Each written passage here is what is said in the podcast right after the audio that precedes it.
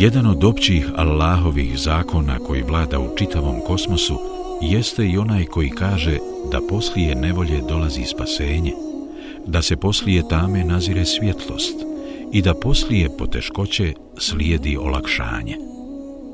Nakon najcrnje tame koja je prekrila cjelokupan ljudski rod i nakon mraka idolopoklonstva, nevjerstva, nepravde, zla i pokvarenjaštva koji su ovladali ljudima, uzvišeni Allah pogledao je u njih i zbog inovjerstva, zlobe i razvrata kojima su se bili odali, sve ih prezreo, i Arape i nearape, osim malog broja sljedbenika knjige.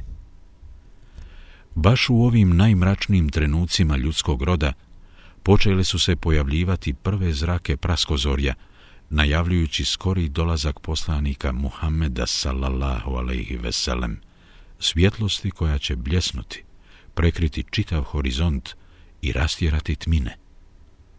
Stoga ćemo ovdje, cijenjeni čitatelji, ukazati na neke od radosnih vijesti koje su sve jedna za drugom, baš poput zvijezda u mrkloj noći, počele ukazivati na to da će zora Muhammedovog salallahu alaihi veselem poslanstva uskoro svanuti.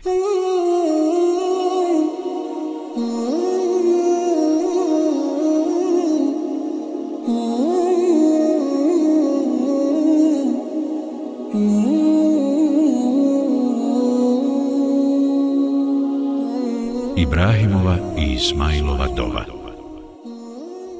Uzvišeni Allah obavijestio nas je o tome kako su Ibrahim i Ismail selam, dvojica časnih poslanika od njega tražili da se u njihovom potomstvu pojavi poslanik, jedan od njih, o čemu se u Kur'anu kaže ربنا واجعلنا مسلمين لك ومن ذريتنا أمة مسلمة لك وأرنا مناسكنا وتب علينا.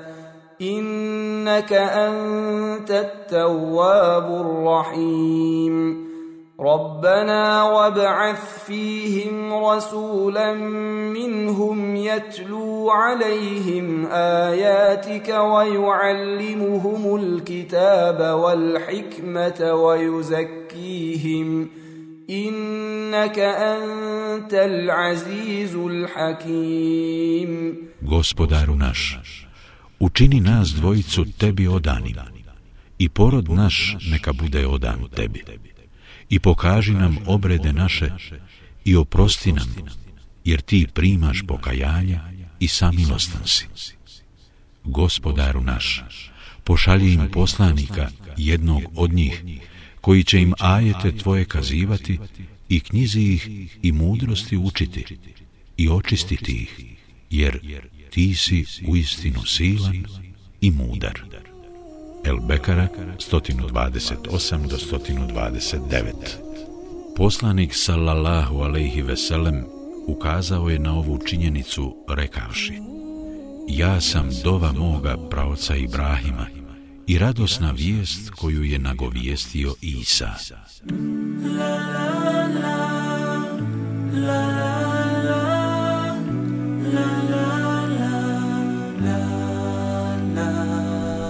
obaveza uzeta od svih poslanika i vjerovjesnika.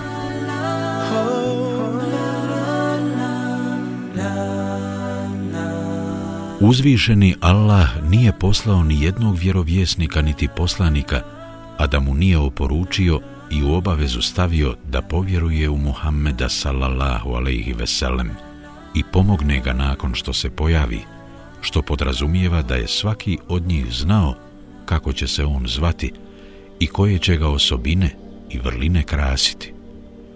O ovome nam uzvišeni Allah u Kur'anu kaže – وَإِذْ أَخَذَ اللَّهُ مِيثَاقَ النَّبِيِّينَ لَمَا آتَيْتُكُم مِّن كِتَابٍ وَحِكْمَةٍ ثُمَّ جَاءَكُمْ رَسُولٌ مُصَدِّقٌ لِّمَا مَعَكُمْ لَتُؤْمِنُنَّ بِهِ وَلَتَنصُرُنَّهُ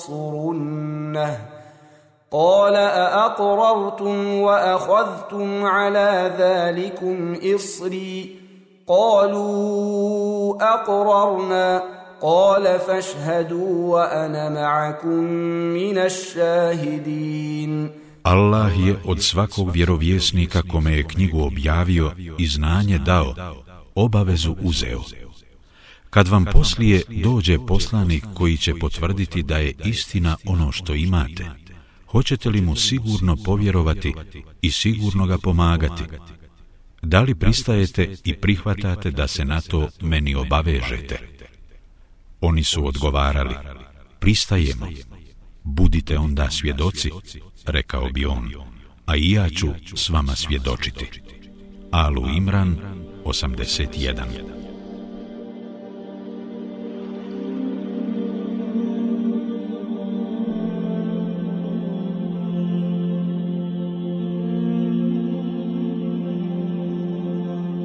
Nagovještaji u prijašnjim nebeskim objavama.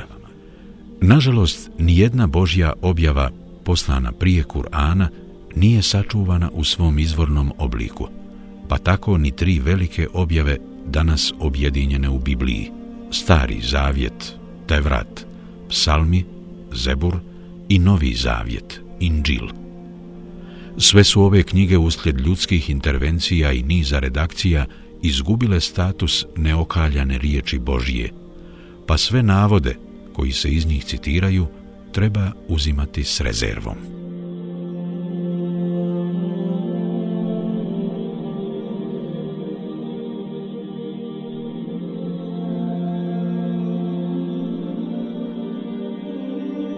Tevrat Potvrdu pojave Allahovog poslanika Muhammeda sallallahu alaihi veselem nalazimo u Tevratu. Dokaz za to je predaja koju bilježi Buhari, a u kojoj se navodi da je Abdullah bin Amr bin As rekao U Tevratu sam našao neke atribute i opise vjerovjesnika Muhammeda sallallahu alaihi veselem. O vjerovjesniče, mi smo te poslali kao svjedoka i kao donosioca radosnih vijesti i kao poslanika koji opominje i kao čuvara i zaštitnika nepismenih. Ti si moj rob i moj poslanik. Ja sam ti ime Mutevekil dao, koji nije grub niti osoran i koji ne galami po pijacama, vašarima i koji na zlo zlim ne uzvraća, već prašta i preko uvreda i ružnih postupaka prelazi. Mutevekil je onaj koji se na Allaha čvrsto oslanja. Allah ga neće uzeti, usmrtiti, sve dok narod koji je skrenuo ne usmjeri na pravi put i dok njihove slijepe oči ne progledaju i dok im gluhe uši ne pročuju i dok im nemarna srca upućena ne postanu. A sve to zbog toga što će izgovarati riječi La ilahe illallah nema Boga osim Allaha. U Tevratu se navodi i sljedeći citat. Dođe Jahve sa Sinaja, na Sajru se pokaza, iz gore parana zasija. Ponovljeni zakon 33, 2. Sajr je lanac planina u istočnom dijelu Palestine. Na tom području postojalo je isto imeno naselje. To je zemlja u kojoj je živio Isa alaihisselam. Dolazak sa Sinaja tumačimo kao darovanje te vrata Musau alaihisselam. Ukazanje sa Sajra je darovanje Inđila Isau alaihisselam, a sjaj nad brdom Param je spuštanje Kur'ana časnoga Muhammedu sallallahu alaihi veselem, jer je brdo Paran stari naziv za brda oko Mekke. U Tevratu se kaže i sljedeće. Podignut ću im proroka između njihove braće, kao što si ti. Stavit ću svoje riječi u njegova usta, da im kaže sve što mu zapovjedim. Ponovljeni zakon 18. 18. Onaj u čija je usta uzvišeni Allah stavio svoje riječi, ne može biti niko drugi do Muhammed sallallahu alaihi veselem, jer On je bio taj koji je primao objavu i učio Kur'an na pamet. On je bio taj koji je Kur'an vrlo često citirao. On je bio taj koji je pozivao Kur'anskoj istini i uputi i dobru sa kojima je došao. Inđil. Jednom prilikom Ivan Krstitelj je počeo propovijedati u judejskoj pustinji. Obratite se, govorio je, jer je blizu kraljevstvo nebesko. Evanđelje po Mateju 3, 2. Ivan Krstitelj je Jahja, alaihissalam. Riječi, jer je blizu kraljevstvo nebesko, aluzija su na vjerovjesnika Muhammeda, sallallahu alaihi veselem, i radosna vijest o njegovoj skoroj pojavi i dolasku, jer će se on vladati i suditi prema nebeskom zakonu, odnosno Allahovom šerijatu. U Inđilu se navodi da je Isus kazao Kraljevstvo je nebesko slično gorušičinu zrnu, koje netko uze i posija na svojoj njivi. Ono je svakako najsitnije od svega sjemenja, ali kad uzraste, bude veće od drugoga povrća. Evanđelje po Mateju 13, 31 do 32. Isus je Isa alaihisselam. Ovu nagovijest u gotovo identičnom obliku možemo pročitati i u Kur'anu. Zalika mathaluhum fit Taurah ومثلهم في الإنجيل كزرع أخرج شطأه فآزره فاستغلظ فاستوى على سوقه يعجب الزراع ليغيظ بهم الكفار Tako su opisani u Tevratu.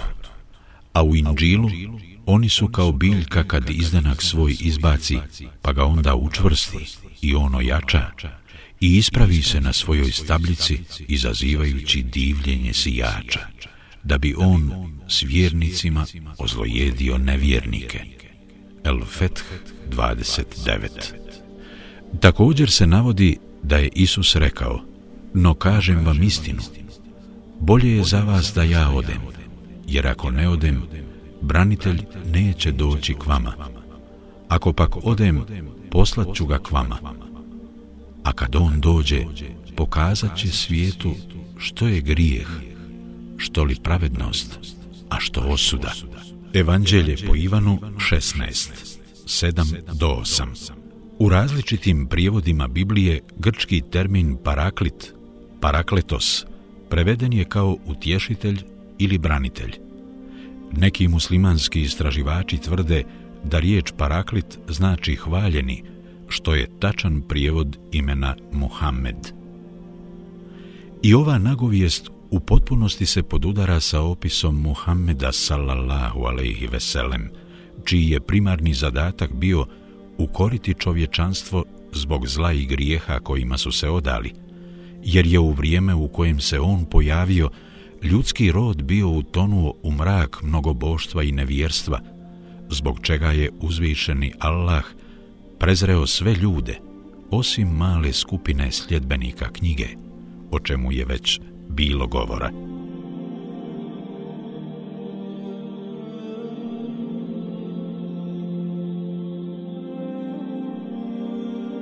Zebur U Zeburu se navodi da je David rekao David je Davud, alaihisselam. Lijep si ti, najljepši od ljudskih sinova, po usnama ti se milina prosula, stoga te Bog blagoslovio do vijeka. Pripaši maču z bedra junače, ogrni se s jajem i veličanstvom, zajaši i kreni za istinu, za vjernost i pravdu, zapni luk i desnicu svoju proslavi, oštre su strelice tvoje, narodi padaju pred tobom. I kraljeve dušmane ostavlja hrabrost. Psalmi 45, 3 do 6 Autor spominje stav islamskih učenjaka da se svojstva nabrojana u psalmu 45 mogu odnositi samo na Muhammeda sallallahu alaihi veselem, jer je on jedini vjerovjesnik nakon Davuda alaihi selam, koji je bio opasan sabljom ostale objave i poslanice. U knjizi Izajinoj kaže se sljedeće. Jer dijete nam se rodilo, sina dobismo, na plećima mu je vlast. Nadaleko vlast će mu se starat i miru neće biti kraja nad prijestoljem Davidovim, nad kraljevstvom njegovim. Izaija 9, 5 do 6 Autor je prilikom citiranih izajinih riječi umjesto na plećima mu je vlast kazao na plećima mu je biljeg ukazujući na to da se biljeg odnosi na pečat poslanstva koji se nalazio između Muhammedovih salallahu alejhi veselem plečki. U mnogim tefsirima i klasičnim islamskim dijelima se navodi da su Izaija, kao i Ezekijel i Daniel, vjerovjesnici poslani jevrejima. Izaija također kazuje, jer gospod mi ovako reče, idi, postavi stražara, što vidi nek javi, vidi li konjanike, jahače udvojene, jahače na magarcima, jahače na devama, neka dobro pazi, s pažnjom napetom. A stražar viknu, povazdan gospodaru stojim na stražarnici, čitavu noć na stražari prostojim. I gle, dolaze konjanici, jahači u dvojni. Oni mi viknuše, oni rekoše, pade, pade Babilon. Svi kipovi njegovih bogova o zemlju se razbiše. Izaija 21, 6 do 9 Ova dva jahača bili su Isa alaihi selam i Muhammed sallallahu alaihi veselem, jer su babilonske idole uništili Muhammedovi sallallahu alaihi veselem sljedbenici. Opisujući ljudima sljedbenike Muhammeda sallallahu alaihi veselem, Ezekijel je rekao Bog će ih nad vama uzdignuti i svoga im vjerovjesnika poslati i svoju će im knjigu spustiti i on će vas njima podčiniti i oni će vas s pravom poraziti i poniziti. Pojavit će se u potomcima Kajdorovim i narodi će različiti biti. Sa njima će biti anđeli sve na konjima bijelim i sa sobom će oružje nositi i oni će vas opkoliti i vi ćete na kraju u vatri skončati. Ezekijelove riječi mogle bi poslužiti kao preferirajući dokaz da Adnan, a samim tim i Arapi Adnanije, vode porijeklo od Kajdara, a ne od njegovog brata Nabita. Međutim, kako su i Kajdar i Nabit Ismailovi, alejhiselam, sinovi, Adnan je u svakom slučaju direktni potomak Ismaila, sina Ibrahimovog, alejhiselam, a samim tim i Arapi Adnanije. Daniel je kazao, Ukazao mi se anđeo u liku mladića izrazito lijepog lica, pa reče, neka je na tebe mir i spas, o Daniele. Bog je rekao, potomci Izraelovi me naljutiše, jer su se uzoholili, i jer su druga božanstva mimo mene obožavati počeli. Nakon znanja koje im je bilo darovano, u neznanje su zapali, i nakon iskrenosti lažima se odali. Zbog toga sam dopustio da Nabukodonosor njima ovlada, njihove muškarce ubija, porodice im robljem učini. Jerusalem, njihov sveti grad, razorio je, knjige im je spalio i svako ko je nakon njega došao, na isti je način prema njima postupao. Ja njima nisam zadovoljan i neću preko njihovih propusta preći, niti ću im grijehe oprostiti. I neprestano će poraženi i poniženi biti. U okrilju moje srđbe će biti sve dok im Mesiju, sina Marije, djevice besporočne, ne pošaljem. Nakon čijeg dolaska će prokledstvo i moja srđba nad njima samo potvrđeni biti. Neprestano će biti prokleti i poniženi i jadni, sve dok im ne pošaljem vjerovjesnika iz loze Ješmajlove. Vješću o rođenju tog vjerovjesnika i Hagara je obradovana. Njoj sam dvojicu anđela poslao da joj radosne vijesti o njegovom rođenju prenesu. Ja ću tom vjerovjesniku objavu dati i imenima ga stvari poučiti i bogobojaznošću ga ukrasiti. Dobročinstvo će biti njegovo obilježje, bogobojaznost njegova nutrina, a njegov govor bit će sama istina. Čestitost mu je urođena, skromnost mu je životni put, a razboritost je staza kojom korača. Počast ću mu ukazati, pa ću mu knjigu dati koja će prethodne objave potvrditi, ali će i nešto iz tih knjiga obesnažiti i derogirati. Sebi ću ga u više nebeske sfere podići i od jednog do drugog neba on će putovati, sve dok mi se ne približi, pa ću ga pozdravom mira pozdraviti i svoje riječi mu objaviti. Nakon toga ću ga među robove moje sretnog i zadovoljnog vratiti. Dobro će pamtiti ono što sam mu rekao, javno će iznositi ono što mu je naređeno i na blag način i uz najljepše savjete pozivat će da se samo meni vjera ispovijeda. Neće biti osoran niti grub i neće po vašarima galamiti. Blag će biti prema onima koji ga za zaštitnika uzmu, milostiv prema onima koji u njega povjeruju, ali i surov prema svojim neprijateljima. Svoj će narod pozivati da samo u mene vjeruje i da samo mene obožava. Govorit će im o mojim jasnim znakovima koje je vidio, a oni će ga u lažu goniti i raznim ga neprijatnostima izlagati.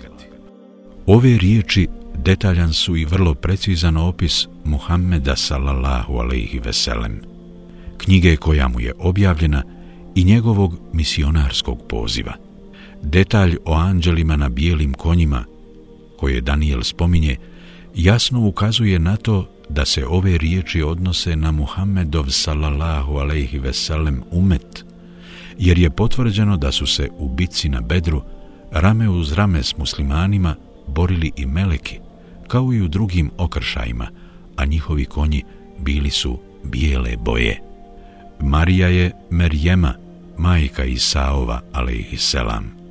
Išmael je Ismail, alaihisselam, a Hagara je njegova majka Hadžera.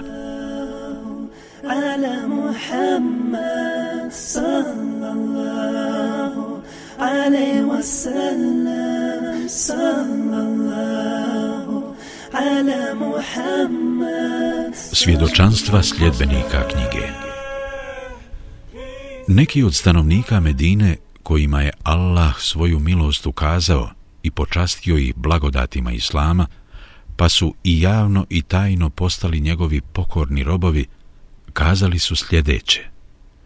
Jedan od razloga zbog kojih smo se nakon Allahove milosti i upute odazvali pozivu Islama, jeste i to što smo, još dok smo bili idolopoklonici, koji su poštovanje iskazivali kipovima i kumirima, slušali jevreje koji su bili sljedbenici knjige i koji su znali ono što mi ne znamo, kako nam upućuju određene prijetnje.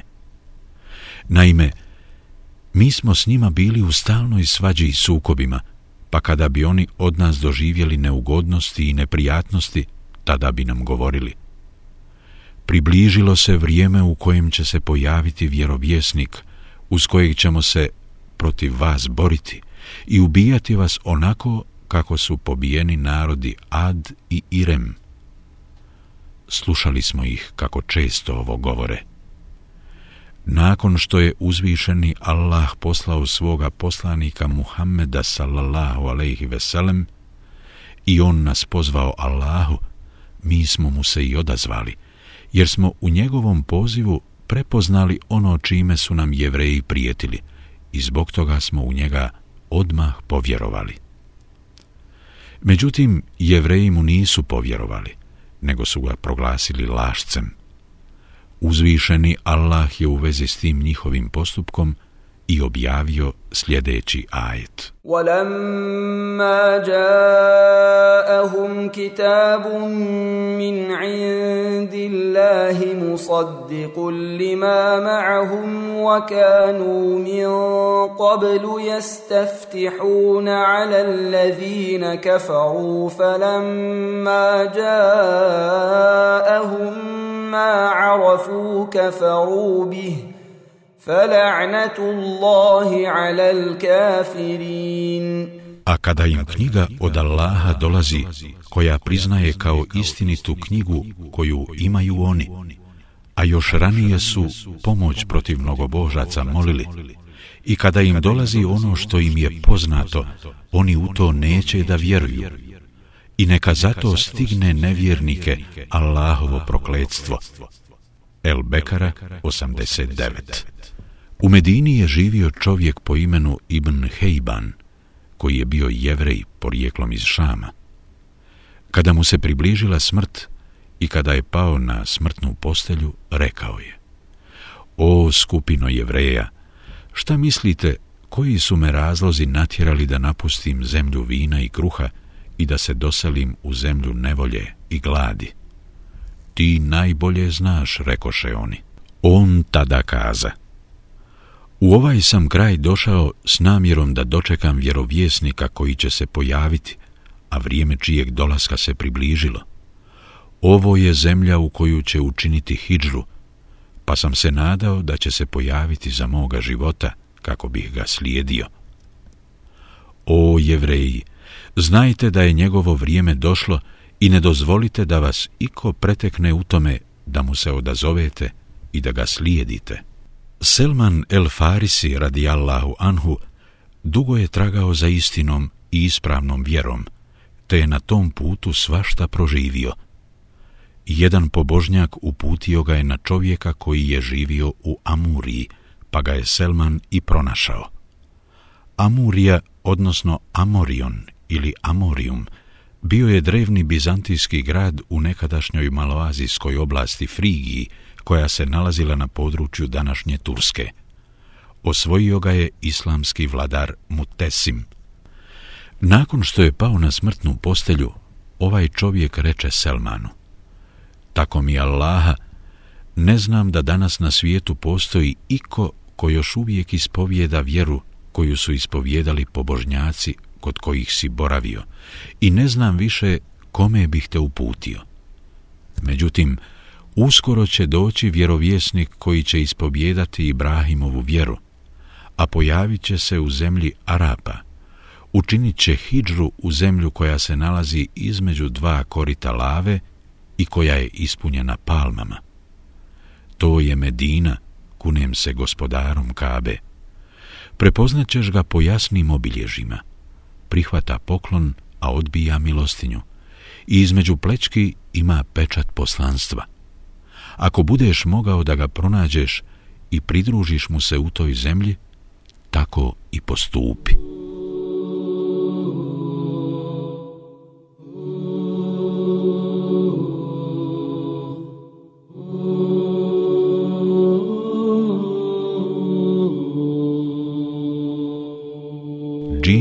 I radosne vijesti o poslaniku Islama.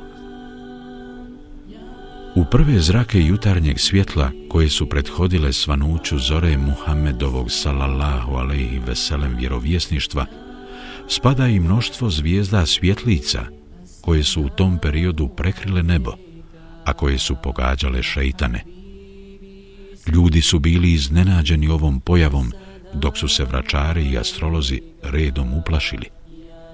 Jedan od njih bio je i Sevad bin Karib, jednom prilikom naišao je pored Omera bin Hataba radijallahu anhu, pa neki čovjek reče O vladaru pravovjernih, znaš li ko je ovuda prošao?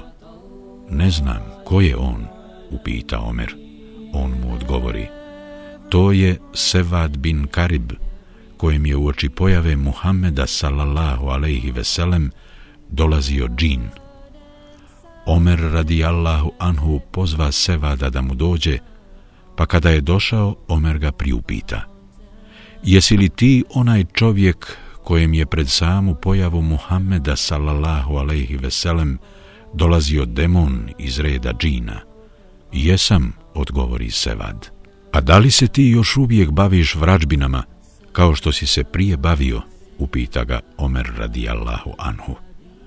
Čuvši ovo pitanje, Sebad se naljuti i reče Vladaru pravovjernih, nakon što sam primio islam, nikome drugi ništa slično nije upitao. Omer radijallahu anhu na ovo kaza Slavljen neka je Allah. Naše idolopoklonstvo i širk koji smo činili bili su gori od vrađbina kojima si se ti bavio. Nego ispričaj ti meni o džinskoj prikazi koja ti je dolazila u oči pojave Muhammeda sallallahu alaihi veselem. Tada Sevad poče svoju priču. Da, vladaru pravovjernih, u istinu se to dogodilo. Jedne noći, dok sam bio između sna i jave, došla mi je prikaza, udarila me nogom i rekla – Ustaj, o Sevade bin Karibe, počuj šta ću ti reći, pa ako pameti imaš, ti ćeš me i poslušati. U istinu se pojavio poslanik iz loze Lueja bin Galiba. Luej bin Galib je bio jedan od Muhammedovih sallallahu alaihi veselem predaka, a o njemu je bilo govora ranije. On poziva Allahu i traži da se samo njemu ibadet čini. Zatim ovaj džin poče recitovati. Čude me džini i njihove želje. Eno već jašu deve svoje bijele. Za mekom žude uputu traže. Iskren džin nije ko onaj koji laže. Zato Hašimovskoj eliti pohitaj i ti. Prvaci vrijede više od onih što će posljednji biti. Nisu isti džini vjernici i džini nevjernici. Ovako se navodi u drugoj, vrlo sličnoj verziji citiranih stihova. Posljednjim stihom džin naglašava i vrijednost onih vjernika koji su među prvima prigrlili islam. Sevad radijallahu anhu nastavio je svoju priču te kazao kako mu je isti džin dolazio i naredne dvije noći, dok je bio u polu snu, između sna i jave, i ponavljao. Ustaj, o Sevade bin Karibe, počuj šta ću ti reći, pa ako pameti imaš, ti ćeš me i poslušati. U istinu se pojavio poslanik iz loze Lueja, bin Galiba. On poziva Allahu i traži da se samo njemu ibadet čini. Zatim je Sevad počeo recitovati stihove u koje između ostalih spadaju i sljedeći. Dođe mi šaptač dok u polusnu sam bio. Od svega što reče, ništa slagat nije htio.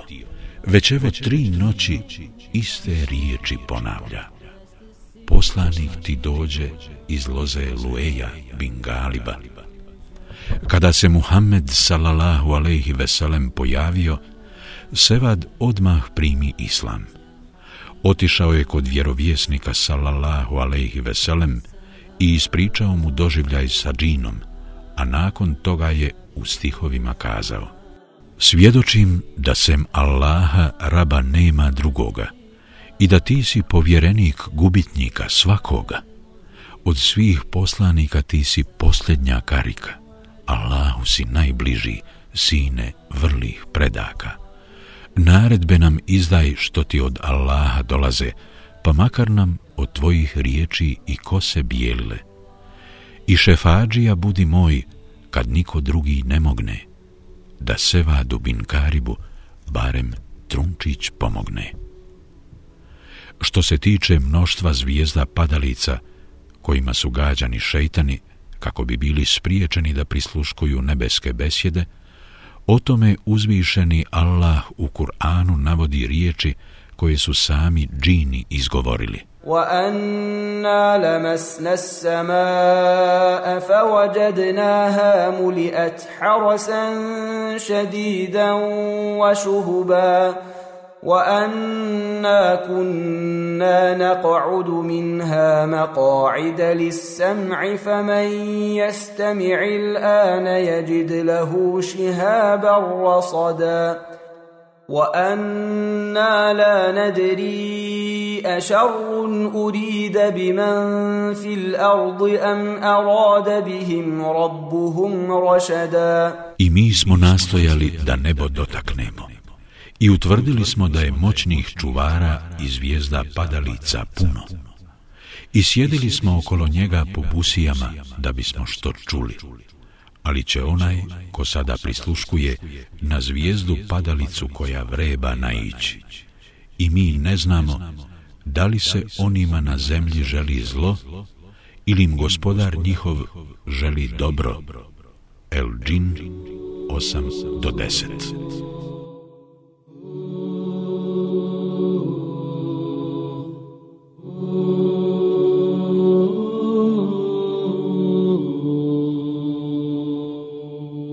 Vojska slonova Vojskom slonova nazvana je vojska koju je Ebreha Ešrem, namjesnik Jemena, postavljen od kralja Abesinije, poveo u napad na Meku, Allah je sačuvao od svakog nasilnika i oholnika.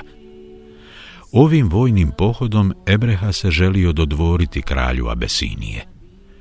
Naime, Ebreha je u gradu Sanna dao sagraditi ogromnu crkvu, kakva dotada još nije viđena na zemlji, i nazvao ju je Kulejs. Navodno je želio postići to da ljudi više ne odlaze na hađu Meku, već da od tada na hađ dolaze k njemu i hodočaste crkvu koju je izgradio. Razlog je bio taj što je svu arapsku trgovinu želio preusmjeriti u Jemen. Čuvši za ovaj Ebrehin potez i njegove namjere, jedan Arapin iz plemena Kinana otišao je u Jemen, pronašao crkvu Kulejs, ušao u nju, onečistio je, izvršio je veliku nuždu, potom zidove crkve umazao izmetom, a zatim bez traga nestao. Kada je Ebreha saznao šta se desilo, zakleo se da će napasti Meku i uništiti Kabu. Opremio je ogromnu vojsku, a sa sobom je u pohod poveo i slonove, među kojima je bio i slon zvani Mahmud. Ibn Kesir u komentaru sure El Fil kaže Ebreha je opremio veliku vojsku i sa sobom je poveo ogromnog slona kakav dotada nikada nije viđen. Bilo mu je ime Mahmud. Ovog slona je Ebrehi poklonio Neđaši, vladar Abesinije. Također neki smatraju da je Ebreha pored Mahmuda sa sobom poveo još osam, a neki kažu još dvanaest slonova, a ima i drugih mišljenja. Uzvišeni Allah najbolje zna. Kada bi im se god na tom putu suprostavilo neko arapsko pleme, želeći ih spriječiti da nastave dalje, oni bi ga porazili i nastavili napredovati prema Mekki. Tako je Ebreha stigao na domak časnoga hrama. Poslao je svoje vojnike u Meku, a oni zaplijeniše svu stoku tamošnjih stanovnika. U tom ogromnom krdu nalazilo se i dvije stotine deva koje su pripadale Abdul Mutalibu bin Hašimu, tadašnjem poglavaru Meke i starješini plemena Kurejšu. Abdul Muttalib je posredstvom delegacija koje su razmijenili pregovarao sa Ebrehom, tražeći nazad svoje deve. A što se tiče Kabe, u vezi s njom je izrekao poznatu rečenicu Kaba ima svoga gospodara koji će je štititi. Abdul Mutalib je shvatio da se njegov narod ni u kojem slučaju ne može suprostaviti ovom daleko nadmoćnijem neprijatelju pa je zato naredio svim stanovnicima Meke da se povuku na vrhove okolnih brda i brežuljaka, kako ih Ebrehina vojska ne bi sustigla, što oni učiniše. Malo prije nego će napustiti Meku, Abdul Mutalib je zastao pored Kabe, te uhvativši halku na njenim vratima, izrecitova sljedeće stihove. Ni bojazan, ni briga ne treba da postoje, čovjek dom svoj štiti i ti mjesto brani svoje. Križ i spletke njihove neće pobijediti. Moć i snaga tvoja njih će nadvladati. Zar da im to dozvoliš, a narod naš ti napustiš? Kako nešto takvo njima ti da dopustiš? Sljedbi svojoj pobjedu danas ti podari. Poraz neka dožive krst robovi, križari. Tog dana, nakon svanuća, Ebreha se pripremao za ulazak u Meku. Slona je usmjerio u pravcu Meke, ali on odbi da krene naprijed. Međutim, čim bi ga usmjerili u nekom drugom pravcu, on bi odmah krenuo. I dok su tako na razne načine pokušavali privoljeti slona da krene ka Meki, uzvišeni Allah je na Ebrehinu vojsku poslao ptice Ebabilu, koje su došle iz pravca mora. Tumačeći riječi Ebabil, neki tumači Kur'ana kažu da se radi o pticama koje su izašle iz mora i koje su letjele raštrkane, sve jedna za drugom. Učenjaci se razilaze u opisu tih ptica. Jedni kažu da su bile zelene, drugi bijele, a treći crne boje. Također spominju da su imale glave poput glava divljih zvijeri i da su u kanđama i kljunovima nosile kamenje kojima su gađale Ebrehinu vojsku. Ibn Kesir čak spominje da neki smatraju da se radi o mitskoj ptici poznatoj kao Feniks. Svaka je ptica nosila tri kamena, jedan u kljunu, a preostala dva u kanđama. Kada bi god neko od tih kamenja pogodilo vojnika, istog trenutka bi mu se meso počelo odvajati od kostiju. Prestravljeni ebrehini vojnici zavapiše za vodičem da im pokaže put nazad, u Jemen. Njihov vodič u stihu reče Gdje utočište naći kad Bog za tobom traga? Ešrem poraz doživi, pobjede ne dočeka. Ovaj događaj okončan je potpunim fijaskom Ebrehine vojske, a što se tiče njega samoga, odnijeli su ga nazad u sanu iskasapljenog i teško ranjenog, gdje je i umro. Uzvišeni Allah u suri El Fil, slon, koja je ujedno i jasan dokaz istinitosti Muhamedovog sallallahu alaihi veselem poslanstva, u kratkim crtama govori o ovom događaju.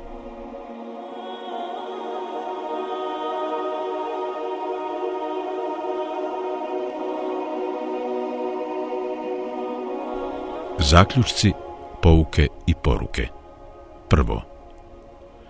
U ovom poglavlju upoznali smo se sa počecima najave Muhammedovog salallahu alaihi veselem poslanstva i vidjeli smo da ta najava počinje još u vrijeme Ibrahima alaihi selam. Drugo. Uzvišeni Allah uslišao je dovu svoga prisnog prijatelja Ibrahima alaihi selam.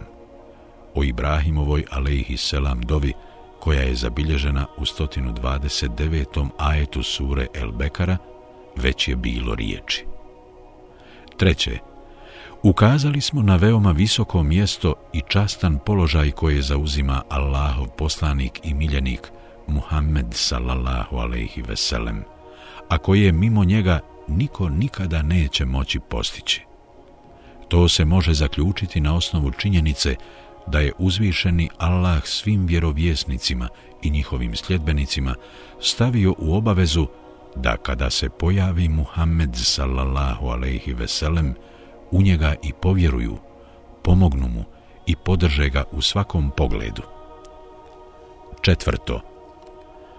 Moral Muhammeda sallallahu alaihi veselem bio je savršen i na njega je kratkim, ali sadržajnim riječima ukazao uzvišeni Allah, opisujući ga u Tevratu, ali i kroz riječi Meleka, koji je došao vjerovjesniku Danijelu, alaihisselam.